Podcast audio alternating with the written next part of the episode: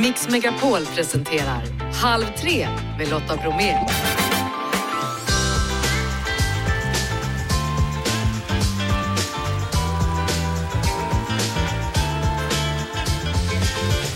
Hallå där och välkommen in i Halv tre-studion. I dagens tisdagsmix, historisk dag i New York när ex-president Donald Trump ställs inför rätta.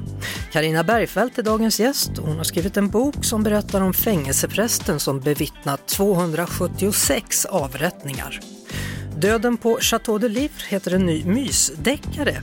Katarina Bivald berättar vad det betyder. Billiga flygbiljetter, så hittar du dem. Martin Appel tipsar vid 16. Och så har vi Marina som åkte isflotte med familjen i helgen. Men alldeles strax så snackar vi med Niall Horan från One Direction. Snacka om innehåll, nu kör vi!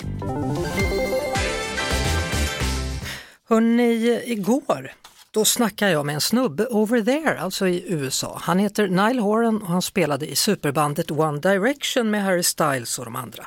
Och nu släpper han snart sitt första album på tre år så jag tog ett könummer och till slut så sågs vi via internet. Hello. Hello, this is Sweden calling. Can we have your votes please? Uh, eight points for Ireland and eight points for Sweden and deux points for France. Thank you very Thank much. Hello Niall. Hello. are you done with the album or are you still working on it? oh no, it's definitely ready. Yeah, I handed it in in November and I'm ready to take the stage. Han har alltså redan gjort klart den här plattan som kommer släppas i juni, den var klar redan i november. Han har sagt att det finns en del press på hur man ska göra vissa saker i en viss ålder. Vilka är de där sakerna och hur många har han gjort och vad är det han vill uppfylla? I just think we all have it, like, don't we? Like, no matter what age you are, there's something to live up to, whether that be an exam or a marriage or a baby or a job. I'm not preaching here, but I think we need to live in the moment a little bit more and be grateful for what we have right now.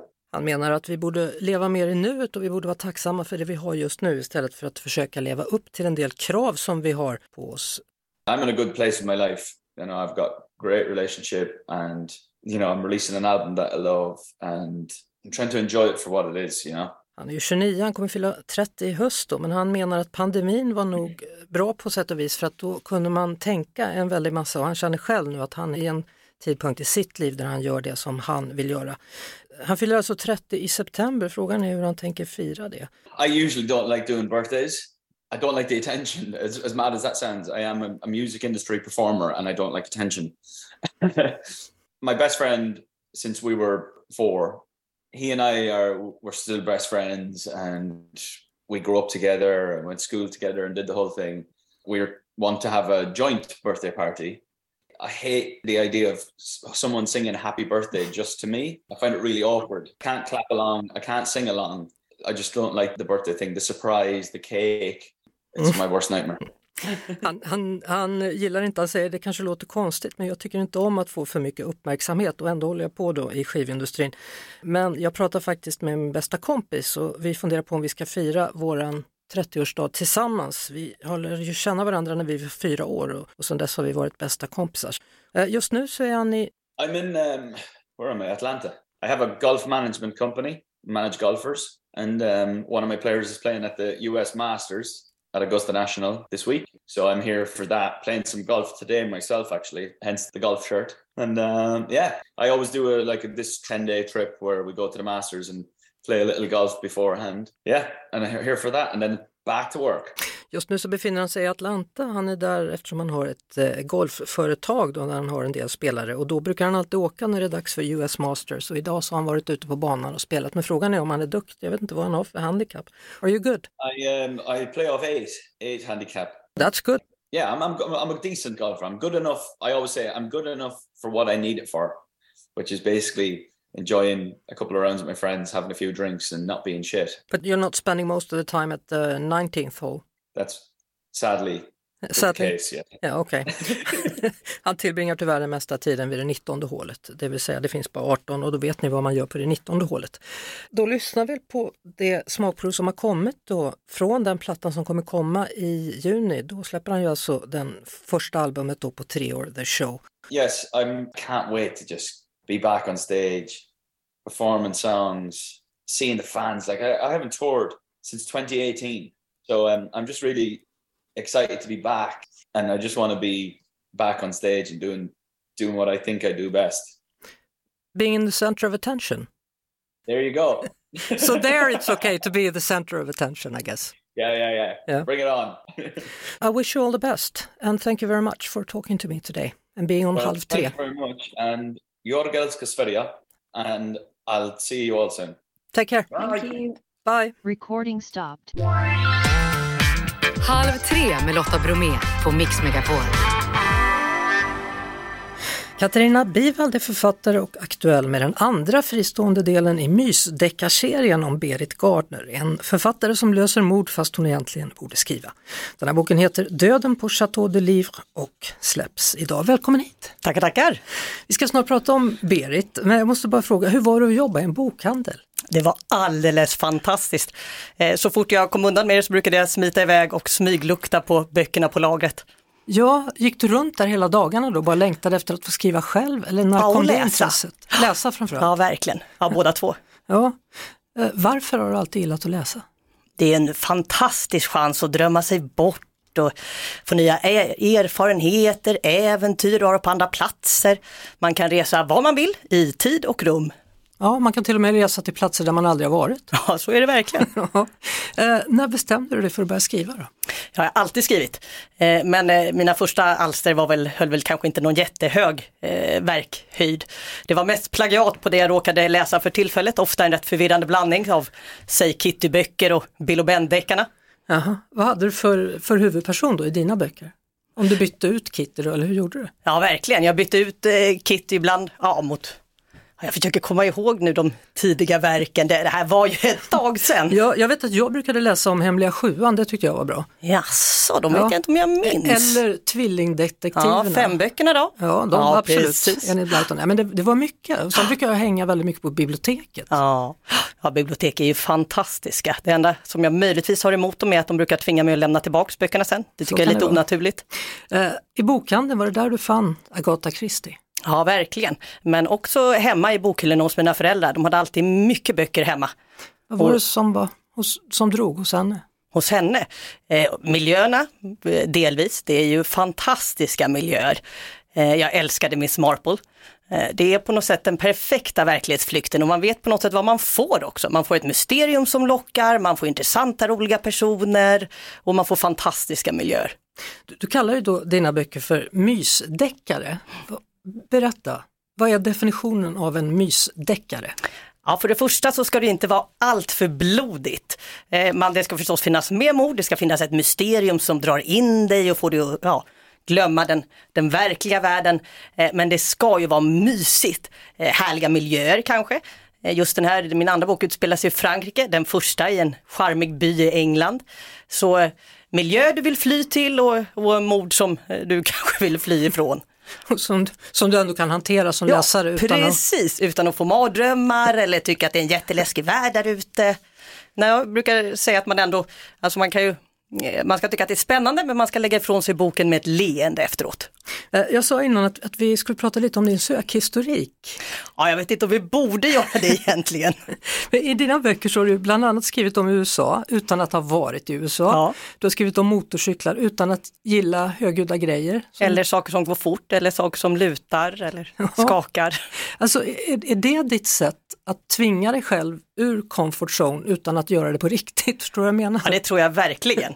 Eh, när det gäller motorcyklar gjorde jag det faktiskt på riktigt för jag började till min motorcykelkörlärares stora sorg faktiskt ta motorcykellektioner. Asså, ja. ja. det, var ingen, det var ingen vacker syn. Men, men Nej. tog du sen kortet? Ja, det gjorde jag Oj, faktiskt, oj, oj. men det tog Ja. många år. Jag minns särskilt gången, en gång blev jag omkörd av en moped. Det gjorde du ja. Ja. Det är ungefär som när jag är ute och kör bil faktiskt. Ja, en del tycker, tycker att det är faktiskt 70 här säger de. Och jag bara, ja. jag kör försiktigt här. Eh, är det genom att söka, sökhistorik, är det då du kommer på dina mord också?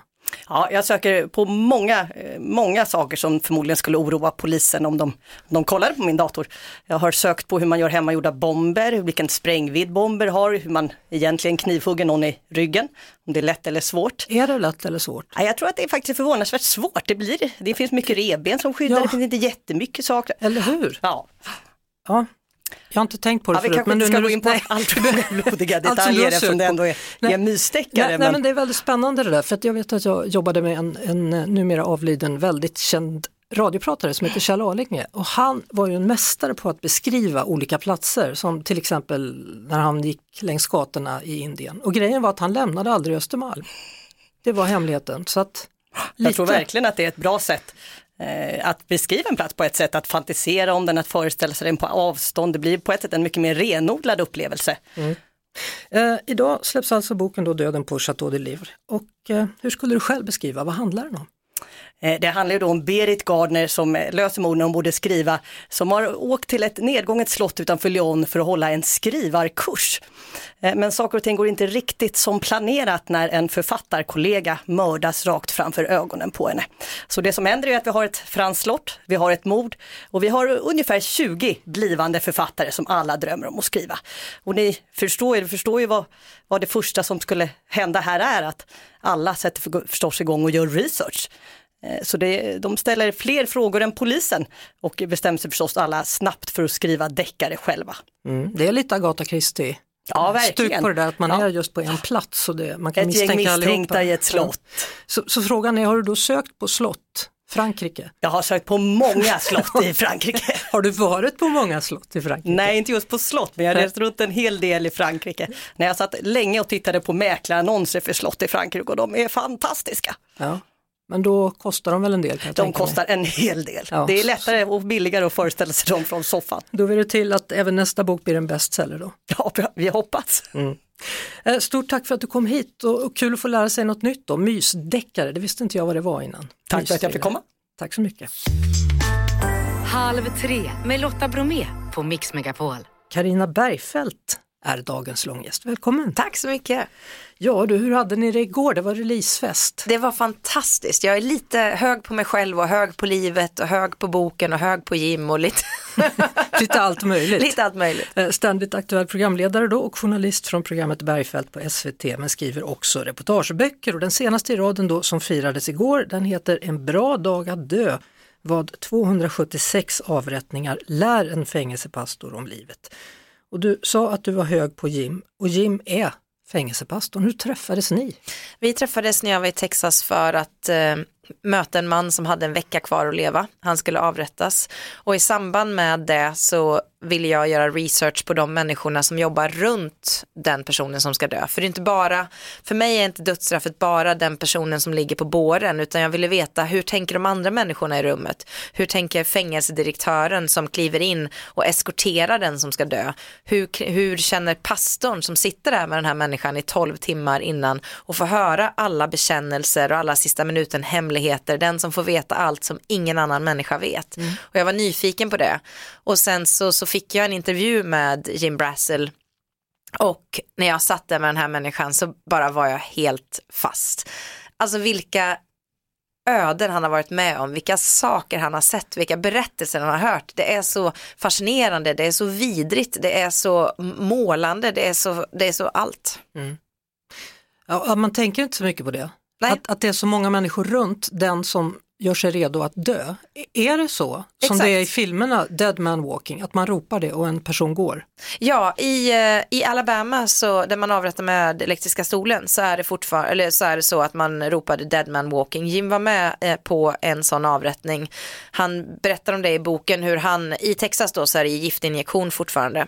Men han fick ett samtal från Alabama där man skulle ha en ny pastor och de ville att han skulle undervisa honom i hur man gör. Och han sa att det var precis som i gröna milen, att de kommer in, rakar av håret på killen, han går där, de ropar dead man walking och sen så så berättade han att det som han tyckte var mest rörande är att alla vakterna innan de spänner fast honom skakar hand med killen som ska dö och säger liksom tack och farväl. Och att han tyckte att det var en så fin gest att de behandlade varandra med en sån artighet. För att i Texas där han jobbade så var det ju ibland så att det blev handgemäng. Folk vägrade helt enkelt att lämna cellen. De ville inte gå frivilligt så man fick bära dem in till avrättnings, eh, avrättningsrummet, dödshuset. Och för den här boken då så träffades ni under två veckor hemma hos eh, fängelsepastorn Jim Brasil. Då. Hur, hur såg det ut hemma hos honom? väldigt mycket kors. Ja. Ett kristet hem, mycket så här kristna budskap, eh, mycket hantverk som han hade fått av olika fångar. När han jobbade på fängelset så fick ju fångar fortfarande göra mycket handarbeten, snida saker, skulptera i trä. Nu för tiden så är det mycket hårdare. Sitter du på ett supermax idag, då är du inlåst 23 timmar om dygnet i en cell som är 2 gånger 2 meter. Du har inte tillgång till någonting annat än papper och penna och en radio. Du har ingen tv, du har knappt en säng, du har ingenting. Och det finns liksom ingenting för dig att tillbringa dagarna med, vilket Jim säger gör människor till djur. Men på den tiden som han jobbade så fick ju folk fortfarande tälja och han fick väldigt många sådana saker, små, ja, men små prylar gjorda av olika människor som skulle dö. Det är Carina Bergfeldt som har skrivit boken En bra dag att dö som är vår gäst. En bok där hon samtalar då med en fängelsepräst som heter, eller fängelsepastor som heter Jim Brazil. Och han är numera sjuk i cancer och han tror att han är kvar här på jorden av en anledning. Vi ska prata mer om det senare men först ska vi lyssna på en bit ur ert samtal då, som kanske kan ge förklaringen till varför han hänger kvar. Han delar med sig av ett samtal som han hörde genom väggen på ett sjukhus som tioåring. Och läkarna och föräldrarna är det som pratar i rummet bredvid. and that if the infection got past bone into my skull, then it would kill me. He says, at this stage, I do not see him living until he's 12 years old. I was 10. And I heard that. Do you remember what you were thinking? I did. I was scared to death. I, I knew when Mother and Daddy came out, they were troubled. They were worried. And I, I did not tell them that I knew until I was grown. You know, I didn't want them worrying about me, you know. Uh, but I, I knew that at that point, my relationship with God was very important. I really didn't think I'd live past 12.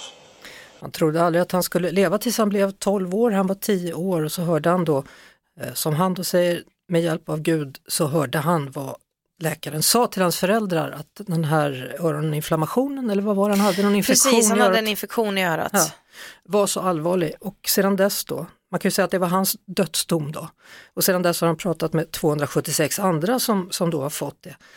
Eh, vad, vad har han lärt sig om livet den här mannen? Det han har lärt sig om livet är att man lever en minut och man är död nästa. Och för Jim har det varit väldigt tydligt. Han har ju sett folk dö först som pastor på sjukhus och sen så um, i eh, sina församlingar och sen på death row. Och att man ska ta vara på livet och för honom så har det varit en, en kluven känsla egentligen hela hans liv. För den här tioåriga pojken trodde väldigt starkt på Gud redan då. Men han ville ju samtidigt leva, han ville vara en liten pojke, han ville ut och leka, han ville experimentera, han, ville, han var nyfiken på flickor, han var nyfiken liksom på det motsatta könet, han var nyfiken på alla saker som händer när man blir äldre. Och han trodde inte han skulle få uppleva sin första kyss, han trodde inte att han skulle få uppleva någonting. Och att gå omkring och vara så här rädd och vilja leva livet fullt ut och sen samtidigt ha den här känslan att man har en plikt ifrån Gud vad man ska göra. Det har gjort honom till en ganska komplex karaktär och det har gjort att han gör en hel del klavertramp i livet som han berättar om i boken. Vil- Vilken typ av klavertramp? Ja, men att man till exempel går till en prostituerad. Det är, Som pastor, som ja. pastor är ju kanske inte superlämpligt. Överhuvudtaget. Överhuvudtaget så är Ja. inte det det eh, smartaste beslutet Nej. i livet och eh, det var det inte för honom heller. Men eh, i början när han berättade så här mycket för mig så blev jag väldigt ställd för att jag hade en så himla from bild av honom och han var ju allt annat än from ibland. Eh, men det är också det som är så spännande som gör honom till människa för de här sakerna påverkade sen hans liv så mycket så att det gjorde att livet tog en annan vändning att, att han bedrog sin fru gjorde att han förlorade sitt äktenskap gjorde att han förlorade sitt jobb gjorde att han fick eh, börja städa toaletter gjorde att han till slut hamnade som präst på fängelse gjorde att hans liv blev helt förändrat och att han förändrade livet åt andra människor. Så att det är ju det här att även liksom snedstegen i livet kan leda en till slut på på rätta vägar. Så att eh, ja, men det är väl väldigt spännande att blanda hans egen lite brokiga historia med allt det här död och elände som finns på Death Row. Har du varit med vid någon avrättning? Jag får inte vara med på en avrättning eftersom jag är utländsk journalist. Jag eh, får stå utanför, jag får träffa människor innan de ska dö. Men eh, det var ju väldigt bisarrt för mig att stå utanför och vänta medan två människor var precis innanför och, och blir avrättade. Att man liksom, jag, jag hade intervjuat en kvinna som var gift med en kille på Death Row och eh, hon var tyska och sen så var hon inne där tillsammans med honom och så står jag utanför och väntar och helt plötsligt kommer det fram en pickup och sen så kör de fram stora högtalare och sen precis när avrättningen börjar så bara boom smack hör jag Olsen Brothers här fly on the wings of love och jag bara vad händer nu? Och då är det liksom den här kvinnan som har gjort detta som ett kärleksbudskap då till sin man som ska dö. För att när han dör så ska hon flyga iväg, så ska han flyga iväg på kärlekens vingar. Tror så, att, oh. så jag står där liksom i Texas och lyssnar på Olsen Brothers och känner att det här är bland det sjukaste jag varit med om samtidigt som en man dör tio meter ifrån mig. Jag ryser på ben och armar och konstaterar att vi ska prata vidare efter låten, jag behöver en paus. Han är alltså sjuk i cancer då, pastorn, men håller sig kvar i livet och efter låten ska vi ta reda på varför. 276 avrättningar har han varit med om, pastorn som du har intervjuat i din bok då, Jim Brazil. Eh, jag sa innan låten här att han, han är sjuk, svårt sjuk i cancer, men han håller sig kvar i livet. Varför? Han känner att han inte är färdig än och han vet inte riktigt varför men att Gud fortfarande har en plan för honom. Han fick eh, beskedet att han skulle ha ungefär fem år kvar att leva för 15 år sedan. Så han lever ju verkligen på lånad tid. Han har både leukemi och prostatacancer och Sjögrens sjukdom. Så han har Eh, leukemi i stadie 4 så att han är verkligen, han, han borde dö när som helst om man ska vara krass men han håller sig kvar. Och eh, han har ju varit ganska sjuk i perioder, varit på sjukhus länge. Och när vi träffades för eh, lite mer än ett år sedan så sa han till mig när han hade läst boken att jag kanske borde dö innan den kommer ut. Bara för att eh, ja, men jag vet inte hur folk kommer att reagera. Men sen så när vi väl hade läst igenom hela boken och sådär så blev han så här, nej nej nej jag måste leva tills den här kommer. Så han, hade, han har lovat mig att hålla sig vid liv tills boken var ute och nu skickade han, i förrgår så skickade han en video när han satt och höll i ett ex av boken som vi hade skickat till USA så han var så glad att den kom. Så att, eh, ja men han, han är inte färdig än säger han. Nej. Eh, vilka historier har berört honom mest? Det som har berört honom absolut mest är nog medlingarna som han gjorde när han var fängelsepastor mellan till exempel en eh, mördad flickas mamma och hennes mördare. Det finns processer då som man måste gå igenom om man vill ha de här samtalen som är ganska långa.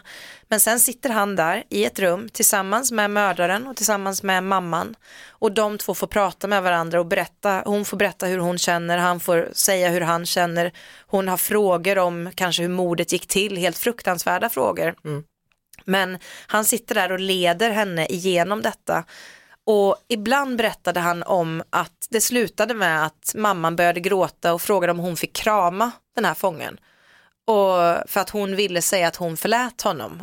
Och nu, så, nu ser jag på dina ögon att du spärrar upp dem och det var precis så jag gjorde, att jag blev lite så här, men vad säger han? Är, liksom, är de inte klok? Det, det, liksom, jag var så här, det finns ingen möjlighet att en mamma till ett mördat barn frågar så här, får jag krama honom, jag vill förlåta honom? Och, och Jim är så här, jo, man kan faktiskt komma till den punkten av förlåtelse. Och det var väldigt intressant för det var väldigt mycket det våra samtal rörde sig kring. När du är riktigt arg på någon, var det än är, när någon har behandlat dig illa och du går omkring med en en illa känsla i bröstet, en, en klump i hjärtat, någonting trycker på mm. just hur mycket skada du själv tar av den ilskan. Och han pratade om att förlåtelse handlar inte om att du ska ge den andra människan frid, utan det handlar om att du ska komma till en punkt där det blir lite lättare för dig att andas, lite lättare för dig att gå framåt och inte låta det här ta så stor plats i ditt liv.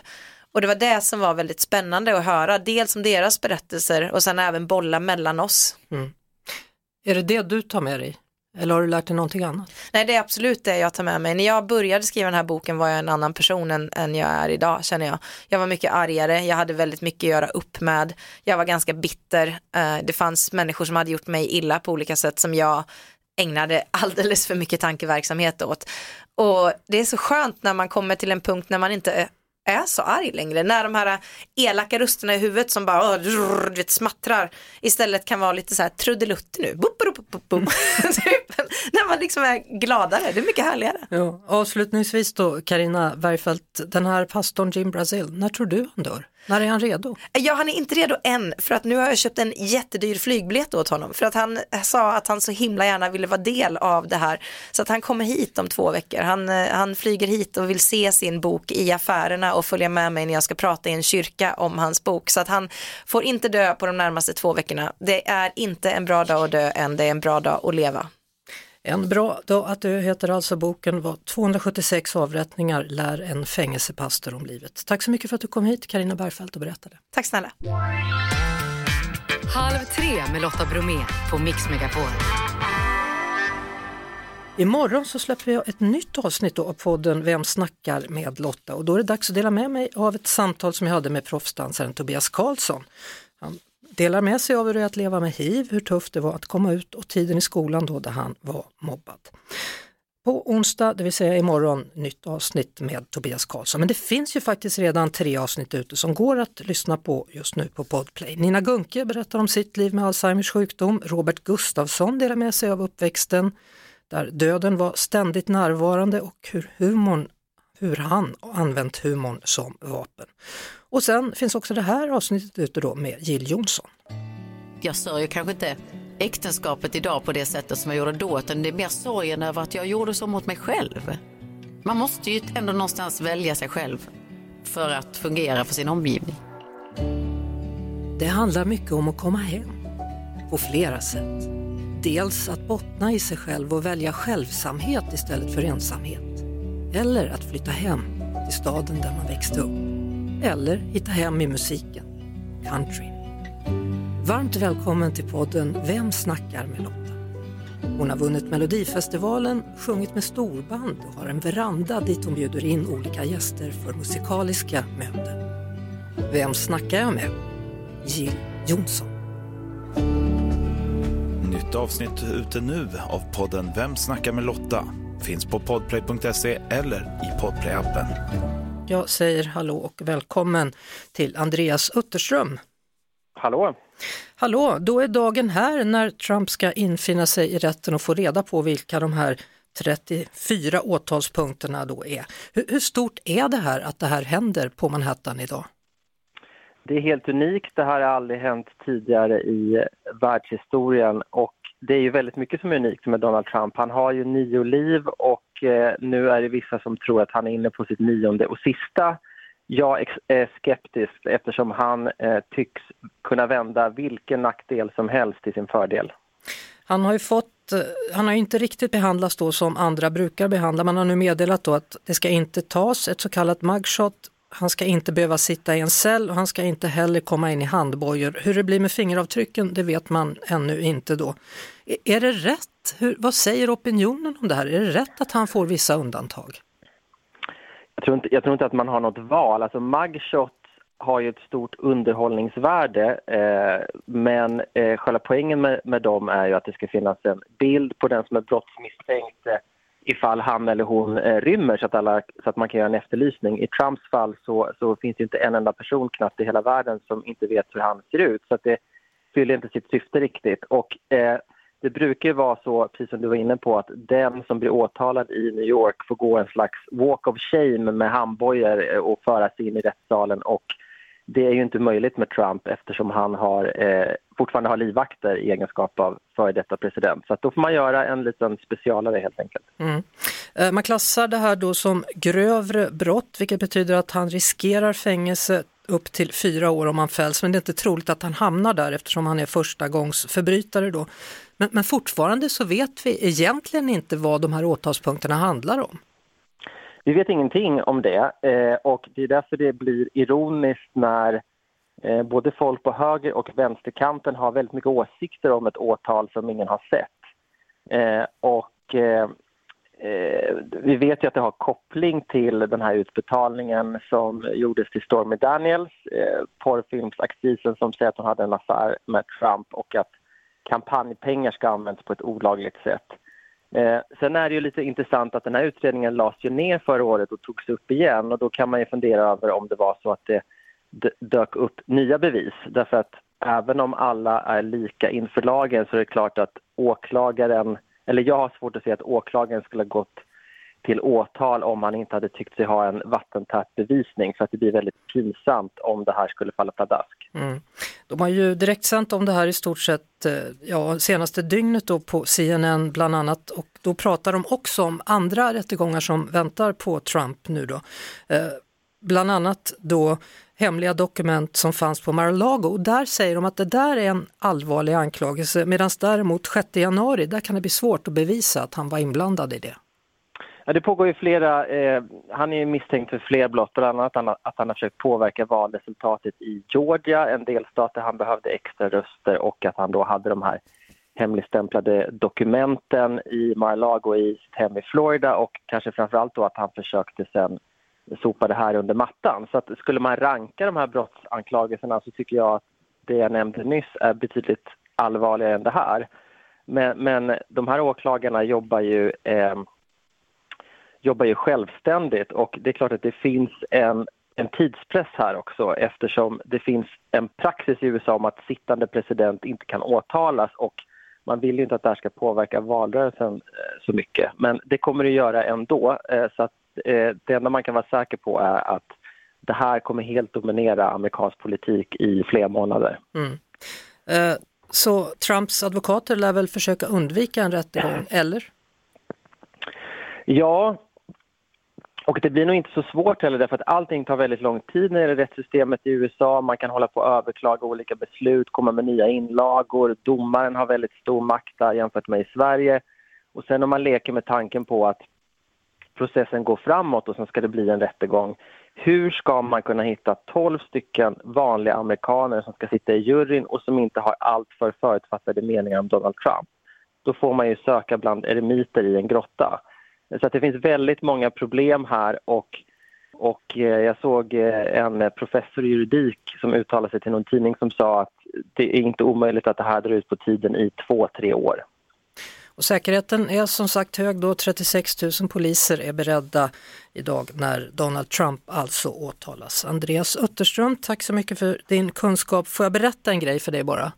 Självklart. Trump känner sig lite sorgsen för han ville nämligen ha ett mugshot på sig själv. För han tänkte att han skulle köra lite merch och det är sant. Ja, men det, det tror jag säkert. Jag, jag, kan tänka mig, han har, det har ju redan visat sig att hans popularitet i det egna partiet har stigit sen det här blev känt och att han har, han har samlat in väldigt mycket pengar. Så att även om det inte blir någon mugshot så kommer någon säkert snicka fram en egen där det står Free Trump, Free America och sen så kan han dra in ännu mer pengar på det här därför att det är oerhört viktigt att ha en fiende och nu har han hittat det i den här åklagaren och det allmänna PK-samhället. Så att på kort sikt tror jag att det här bara är en fördel för honom, hur konstigt det än kan låta. Tekniktipset nu går vi ju in i påskveckan här och då blir det teknik som idag ska handla om billigare flygpriser. Vilket bra val av teknik känner jag. Visst är det, det finns teknik överallt. Martin Appel, konsumentredaktör på PC för alla. Du vill då idag tipsa, om man nu vill boka på egen hand, om riktigt bra sajter som kan spara pengar på flyget. Jag har ju sett att priserna ganska mycket har gått upp. Men det handlar om tusen lappar som man kan spara på att hitta rätt flyg och rätt flygbiljetter. Flygresor.se och Momondo är de stora prisjämförelsetjänsterna för flygresor. Du går in på någon av de här tjänsterna, du anger när du vill åka, vart du vill åka och då kan du se vilka flygbiljetter som finns till de bästa priserna. De har också ganska bra sådana här filterfunktioner så du kan säga att jag vill bara se direktflyg eller jag vill se priser med incheckat bagage eller om det är något flygbolag du inte gillar, då kan du välja att ta bort det. Och du kan också då välja att jag vill först se de billigaste resorna eller jag vill se de snabbaste resorna. Så det är inte bara fråga om pris, det handlar också om att hitta bästa flyget till rätt destination. Ja, grejen med de här är ju att man ska vara lite vaksam när man går in och bara inte tycka gud vilket billigt pris. Så när man tittar så ska man flyga i 36 eller 42 timmar och byta på flera platser och resan, helt plötsligt var den där semestern tre dagar kortare. Det är ju väldigt mycket sådana aspekter som gör att ibland kan det ju faktiskt vara bättre att betala några hundralappar mer för att få ett direktflyg eller för att få en kort mellanlandning. Mr Jet är inte med här på listan. Nej, det finns två olika sorters sajter som ser ut ungefär likadant men som fungerar på olika sätt. Det ena är de här prisjämförelsetjänsterna som vi pratade om och det andra det är resebyråer på nätet. De här resebyråerna de säljer själva flygbiljetter. Så när du gör en sökning på till exempel flygresor.se, då söker du efter biljetterna, du får se vart du kan köpa dem och då får du tips om vilka resebyråer du kan välja på. Till exempel Mr Jet eller Ticket eller Seat24. Och då väljer du då att gå in och köpa biljetterna hos Mr Jet eller Seat24. Så att det är två olika saker som det är bra att man inte riktigt blandar ihop. Mm. För de här Mr Jet och Seat24, de kan ha väldigt olika priser. Så att genom att använda flygresor.se eller Momondo, då får du alltså tips om att till just den här destinationen så är Mr Jet billigare än Ticket eller Ticket billigare än det är att boka direkt hos SAS eller Finnair. Sen är det ju så då avslutningsvis att flygpriser varierar och det är inte helt enkelt det här, så man bör jämföra priser. Och man bör nog ägna lite tid åt det. För det är inte så enkelt att bara säga jag vill åka dit och dit då och då. Det kan du göra, men då kan det bli ganska dyrt för det finns väldigt mycket aspekter här. Det är till exempel mycket billigare som regel att flyga på tisdagar och onsdagar än det är att flyga runt en helg eftersom det är färre människor som flyger då. Det är alltid väldigt mycket dyrare att flyga när det är påsklov eller sportlov eller sommarlov, alltså när alla skolorna är lediga. Så genom att gå in och justera en dag genom att säga att vi flyger en dag senare eller en dag tidigare, då kan man hitta jättemycket billigare priser. Ja, det är rätt otroligt egentligen för det kan skilja hur mycket som helst. Ja, ja, det är ju verkligen, för det här är ju en marknad där det är tillgång och efterfrågan som styr och då kan verkligen en dag senare betyda åtskilliga tusenlappar billigare. Och på de här prisjämförelsetjänsterna, då kan du välja någon funktion som heter visa närliggande dagar. Då får du inte bara se den dag du har sökt på, utan även dagarna runt omkring. Så kan du se att oj, vi åker en dag senare och sparar 2000 kronor. Martin Appel från PC för alla alltså och nästa vecka, det är inte bara flygpriser man kan hitta billigare utan även boende så det tar vi om en vecka. Verkligen. Halv tre med Lotta Bromé på Mix Megapol. Det bästa som finns är att ta med barnen ut i naturen för att hitta på olika aktiviteter menar 44-åriga Marina Minetti från Borlänge. Och i helgen så tog hon möjligheten att eh, ja, utöva en lite ovanlig kanske friluftsaktivitet. Med hjälp av en elmotor så åkte hon och familjen på ett isflak över Sundbornsån utanför Falun.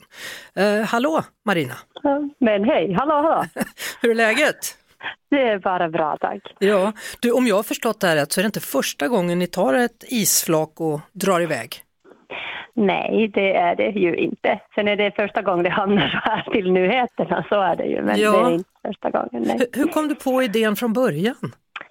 No, men jag tror att vi har kanske alla åkt några isflak när vi har varit barn, men sen är det ju andra pappan som var med oss. eh, jag tror att hans pappa har varit van isflaksåkare och då har det ju som varit lite hans pappas anda så att vi gör vår tur på, på isflaken då. Ja, alltså har ni flytvästar och sånt? Barnen har absolut. Länge- har ju inte vi vuxna haft den här gången nu. Nej, jag, jag har faktiskt aldrig hört om någon som åker isflak. Jag är liksom så här uppfödd med att gå inte på isflaken, du kan ramla i. Ja, och det, det kan man absolut göra ramla i. Så därför har ju barnen i, is, eller har flytvästarna och vi kollar lite var vi är och hur vi gör. För det är absolut en stor risk att man, man hamnar i. Så Ja, men du badar frivilligt eller? Ja, jag älskar ju vinterbada. Så att visst, jag gärna badar i kallt. Men sen är det ju inte så att man, klart man önskar att man inte behöver plundra på den här turen. Men det måste man ju räkna Ja. med.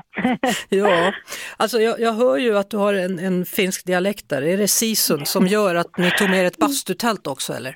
Ja, men det, det är nog, vi älskar ju alla bastu, men klart, det, för mig är det ju i blodet, det kommer man inte ifrån. Nej, vad, vad är ett bastutält? Vad är det för något?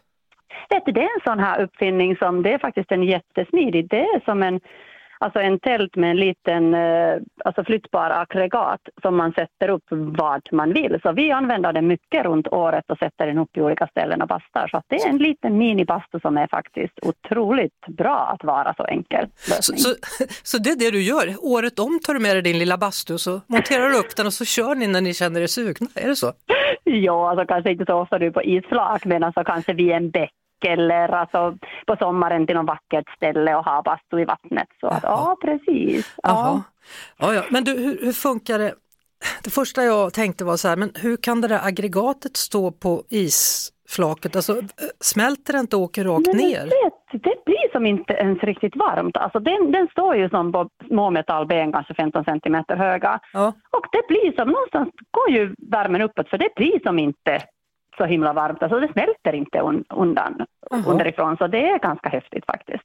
Men det är ju någonstans, jag vet inte, värmen stiger ju uppåt, så måste det vara. Så måste det vara ja.